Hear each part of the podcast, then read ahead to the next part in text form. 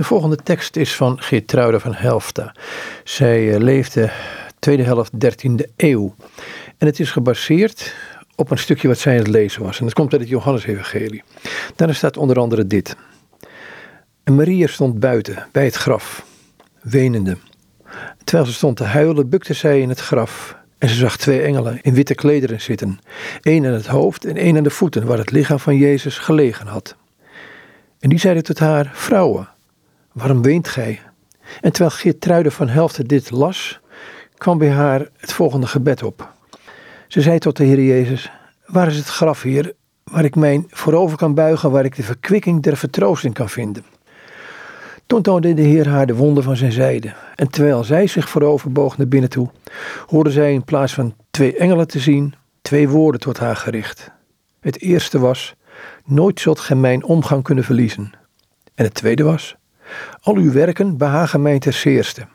Ze stond verbaasd en weifelend zocht hij te vernemen hoe dit toch waar kon zijn. Want ze wist zich in alles zo onvolmaakt. Ze wist dat geen mens op aarde in haar werken zijn behagen zou kunnen vinden. Hij zou er telkens een of ander gebrek in ontdekken.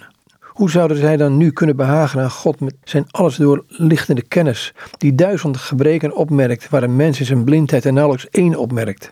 De Heer antwoordde haar: Als ge een of ander voorwerp in uw handen hebt, en, kunt, en gij kunt gemakkelijk het gebrek erin wegnemen, zodat daarna in ieder er zijn genoegen in vindt, dan zult gij, indien gij daar zin in hebt, dit niet verzuimen te doen. Zo is het ook met mij. Het is immers uw gewoonte om mij uw werk op te dragen. Ik heb ze dus als het ware in mijn hand.